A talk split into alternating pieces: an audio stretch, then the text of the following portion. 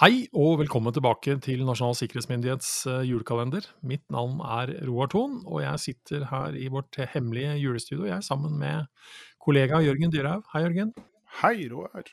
Vi fant fram i dag òg. Ja, det gjør vi. Begynner å, begynner å kjenne veien. Vi begynner å kjenne veien. Yes. Det gjør vi også. Ja, ja. Altså, det, det er litt sånn, går litt sånn å småglede meg jeg, til, å, til å gjøre dette her. Og, og det kommer litt sånn julestemning og synge noen sånne i hvert fall små strofer Små strofer. Ja, ja, det er sånne små Ja. blaff Ja. av julestemning i det. Men, men hva, hva gjør julesanger med deg?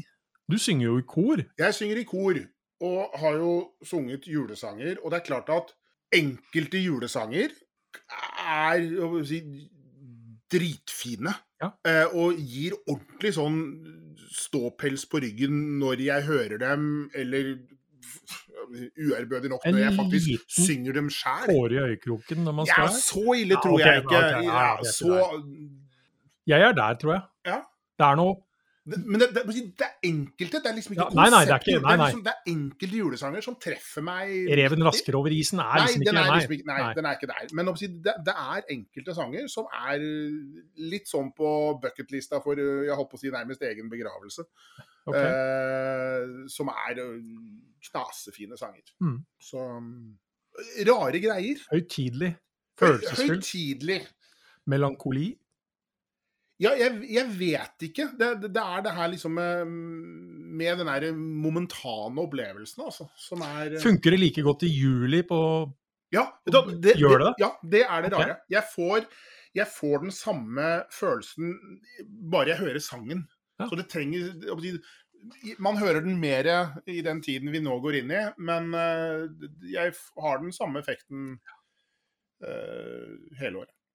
Jeg lurer jo litt på om noen helt tatt får ståpels eh, av å høre oss to synge disse små strofene, men eh, vi vet jo ikke. Folk- Nei, det kan jo være i frykt. Ja, i frykt, ja. Ja. Ikke sant? Men eh, 8. desember er det blitt. Ja. det er jo blitt onsdag også. Um, men vi har jo noen datoer. Vi har noen datoer. Jeg vi jo ikke bare datoen, for datoen er satt den 8. desember. Ja, vi har noen år. årstall. Vi har noen år, og vi har noen hendelser. Ja, og i 1904, fordi vi har jo kjørt litt på teknologi osv., og, så videre, og her Mm. skjer det noe da litt spesielt i Norge. Da skjer den aller første grammofoninnspillingen i Norge. Adolf Østby og Carl Mathisen. Og Adolf Østby han var eh, sanger og komiker, blir det reklamert med. Og Carl Mathisen han eh, spiller trekkspill. Okay. Og dem spiller inn en låt som heter Bard i Hallingdal. I musikkværelset på Grand Hotel i, på, da i Kristiania. På oppdrag fra et britisk grammofonselskap. Eh, Jeg regner med at de hadde tenkt å selge denne sangen i Norge og ikke i Storbritannia. Fordi denne sangen den eksisterer faktisk, så det er mulig å høre Bard i Hallingdal på YouTube hvis man søker opp dette her. Eh, Lydkvaliteten er forhåpentligvis litt bedre. eh, Eller vår lydkvalitet er forhåpentligvis litt bedre. Men er det det opptaket der som ligger der? Yes, det er riktig. Nei. Ja. Oi. Jøss. Så um, det er en slags håper å si, vise og litt sånn som skal beskrive hva som skjer når det er dans et eller annet sted i Hallingdal. Så der er det mye innhold. Der er det mye som skjer. Ja. Um, noen år etter dette, nærmere bestemt i 1931, så blir jo da koaksialkabelen eh, patentert. Ja, men hva, hva Det er jo håper jeg, kabelteknologi. Eh, mye brukt eh, i si, gamle antennesystemer. Eh, er det det vi kaller koakskabel? Koakskabel, Ja, hva, hva gjør den? Altså, hva Nei, er det er jo signalkabel. Ja. Eh, skjermet signalkabel, som da ga muligheten til å si, legge lange strekk med signaloverføring. Uten at man fikk for mye Uten at man fikk for mye tap, og uten at den ble si, påvirket og, fra utsiden. for mye, ja. Fordi den var skjermet og Akkurat. den type ting. Det er jo, rent, det er jo nesten litt sikkerhetsmessig, dette her. Dette er rent sikkerhetsmessig. Det Ja. var eh, hva Han si, syns ikke det som var hovedårsaken? kanskje? Nei, det var nok Kvalitetsmessig. kvalitetsmessig. Men uh, koakskabelen uh, husker man jo fra si, disse kablene man hadde Uh, TV-uttak i veggen i gamle Ja, dager, var okay. en koakskabel. Så, men altså, kvalitet og sikkerhet hånd i hånd, det blir jo ikke bedre enn det? Nei, egentlig. absolutt Nei, ikke. nei. Absolutt Så bra. ikke. Så, eh, I 1980 så skjer det noe, hvis vi holder oss eh, si, til en viss grad i musikkverden, noe som ikke nødvendigvis er eh, så hyggelig, men i 1980, 8. desember, så blir den britiske musikeren John Lennon, altså en viktig del av The Beatles, blir skutt og drept av eh, Mark David Chapman utenfor sitt hjem i New York. Mm -hmm. Uh, og det er jo en hendelse som må sies å få enorm oppmerksomhet eh, rundt omkring i verden. Absolutt. Eh, derav eh, viser seg noen ganger at det ligger en iboende risiko for en del kjente mennesker, nettopp at det får så stor oppmerksomhet når disse hendelsene skjer. Ja.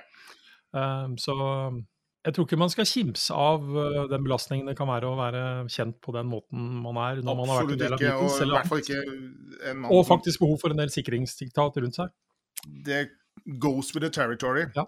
Eh, apropos oppmerksomhet. eh, uten oppmerksomhet skjedde jo heller ikke den hendelsen jeg har tenkt å nevne, eh, fra 1999.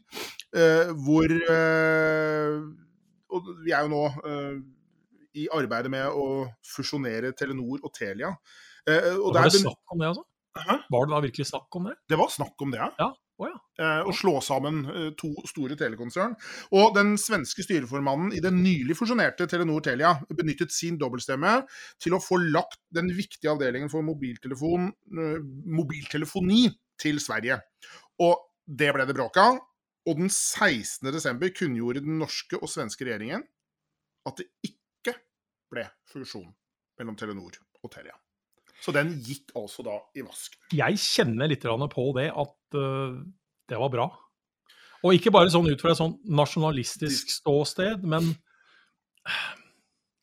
det er noe ut ifra hva vi nå har endt opp med å bruke disse selskapene til, og hva de faktisk da Hva de faktisk har blitt. for oss. Ja. At uh, en viss nasjonal uh, kontroll, for å kalle det Ja. kanskje øh, var fornuftig. Og det er Jeg holdt på å si Hvordan dette da har utviklet seg i de 22 årene da, som har gått siden dette da skjer, fram til i dag, er jo en teknologiutvikling og et, et nedslag i samfunnet som jeg jo Det er jo ingen som kunne ha sett dette for seg. Hvordan mobiltelefoner og mobilteknologi eh, Hva skal jeg si vant.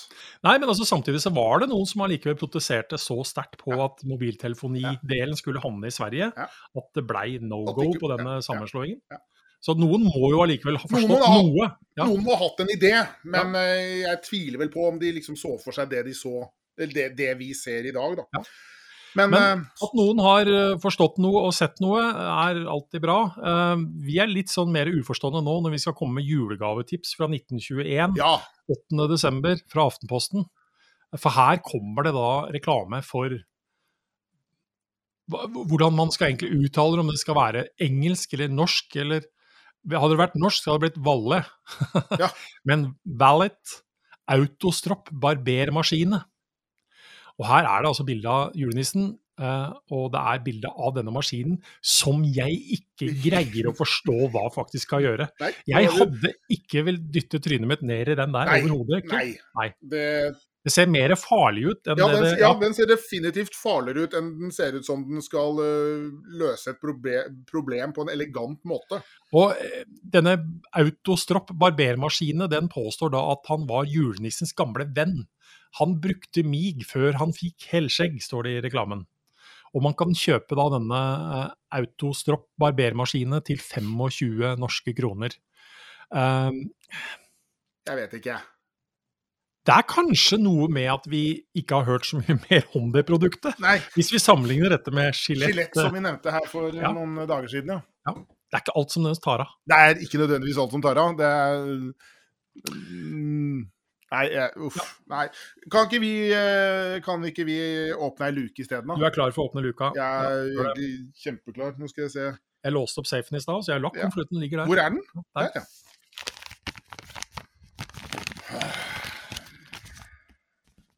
Ja, ja. Skal vi se. Å nei, se her. Se her. Neimen uh, Her er vi. Per Aspelin, gitt. Ja, Yes. Spikke, sage, lime, banke. Ja, Heter han det? han gjør faktisk det. Gjør den det? Gjør faktisk det. Gjør det. Ja.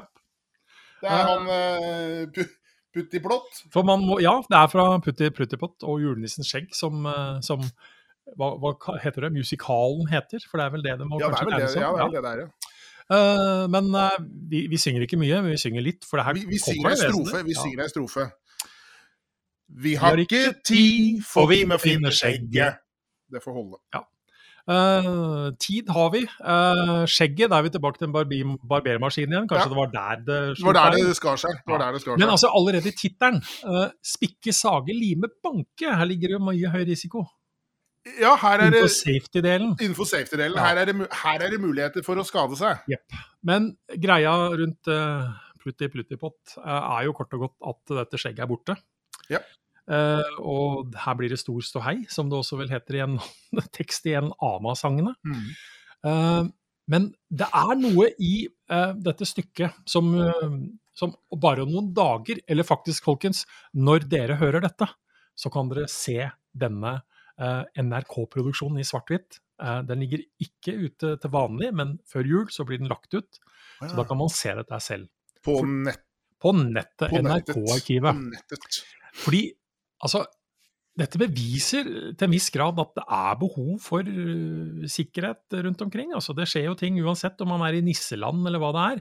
Fordi i denne, dette spillet da, så opererer det faktisk en mystisk nisse der. Gjør det? Ja.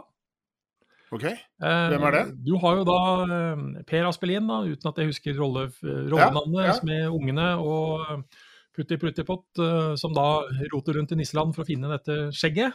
Eh, og det blir også forfulgt av en litt mystisk nisse som løper rundt, og han har solbriller. Og helt på slutten så blir det avslørt av julenissen selv at han er faktisk Nisselands hemmelige sikkerhetspoliti. Glupe Gløgg heter han. Og han, eh, oppgaven hans er å beskytte skjeggets hemmelighet. Eh, det feiler han jo litt med, da. Og det morsomme som selv nissen ler av, eh, det er jo at alle vet jo hvem han er, siden han er den eneste som går med solbriller. Ja, nettopp. Så her kan vi vel komme med en sånn direkte liten sånn stikker til noen av våre kolleger, og si at uh, når du er på konferanse og sier at du bare er fra Forsvaret, så vet vi jo hvor du er fra. Ja, ikke sant? Men uh, Og går i solbriller. Ja. Uh, årets julefakta. Eh, leser du tegneserier, Jørgen, til jul? Ja. Du gjør det? Jeg gjør det. Er det tradisjon? Det er tradisjon. Eh, vært i mange år, og, og faktisk fra min barndom. Eh, så, så ja, eh, de juleseriene Det har nok vært en liten dreining. Jeg vokste opp med Knoll og Tott. Knoll og tott. Ja. Uh, mens uh, Sannsynligvis ganske politisk ukorrekt. i Som. Nærmest definisjonen på politisk ukorrekt. Jeg vet ikke om det bladet eksisterer Nei, lenger. er litt usikker selv. Ja. Eh, Men eh, jo, julehefter har vært en tradisjon hos oss i alle år. Ja. For eh, norske forlag har jo da i veldig mange år utgitt eh, tegneserier til jul, og, og jul er også veldig ofte da tema i seriene, selv om det er litt sånn noen av de seriene ikke nødvendigvis handler om jul. Og i Norge så har jo 91 Stumperud eh, Han har jo da brukt alle tenkelige kommunikasjonsmidler for å greie å komme seg hjem for å feire jul Ja. på Sørum. Mm. Uh, og julehefter er av spesielle publikasjoner, utgitt hver eneste jul, opprinnelig uavhengig av de vanlige ukeplanene, for mange av disse tegneseriene går jo i egne blader Mm. uh, og uh, ulike aviser. Um, og det første norske juleheftet er rett og slett het da Julegaver, en liten samling av utvalgte selskaps- og drikkeviser ved norske forfattere. Det utkom i Drammen i 1817. Det, eh, først drikkeviser, så passer det jo at det kommer fra Drammen. Det første juleheftet for barn kom i 1845 og hadde tittelen 'Julegaven for barnlige sind'. Nå.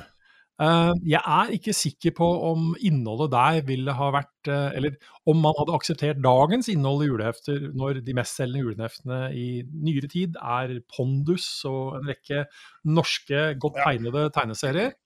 Men, men denne tradisjonen den holder altså ganske godt stand. Altså. Mm. I 2011 så utga man i Norge 60 forskjellige titler. I 2019 uh, så er det 49 ute til salgs. Fortsatt såpass mange. Det er fortsatt mange. Der er det mye å velge i, og det har kommet mye Nytt. nytt, Mm. men også litt sånn klassisk gammelt også ut. ja. Og eh, jeg har ikke en direkte tradisjon sjøl, hvis jeg skal gå i meg selv, for når disse skal leses osv., men jeg kjenner mennesker som dette kjøpes inn, Mm. og det nærmest pakkes inn, Mm. det gjemmes bort, og Mm. det skal ikke åpnes eller leses før et eller annet helt konkret Nei, nei. klokkeslett og tidspunkt. nei. Om det er julaften, om det er Mm. første dag Mm. osv., det varierer veldig. Ja. Hos oss er det en sånn, okay. en sånn De er båndlagt fram til et gitt tidspunkt. Ja. Så utleveres de til Så de, de kommer Sensuren er eh, Sensuren eh, tar hånd om dem inntil eh, frigivelsestidspunktet. Men uh, da det er vel ikke noe vits at jeg uh, sier til deg at eh, om vi skulle lese juleheftet til Donald sammen nå. Nei, Det skjer ikke. Vi tar en kopp kaffe isteden. Vi tar en kopp kaffe isteden, vi, Rår.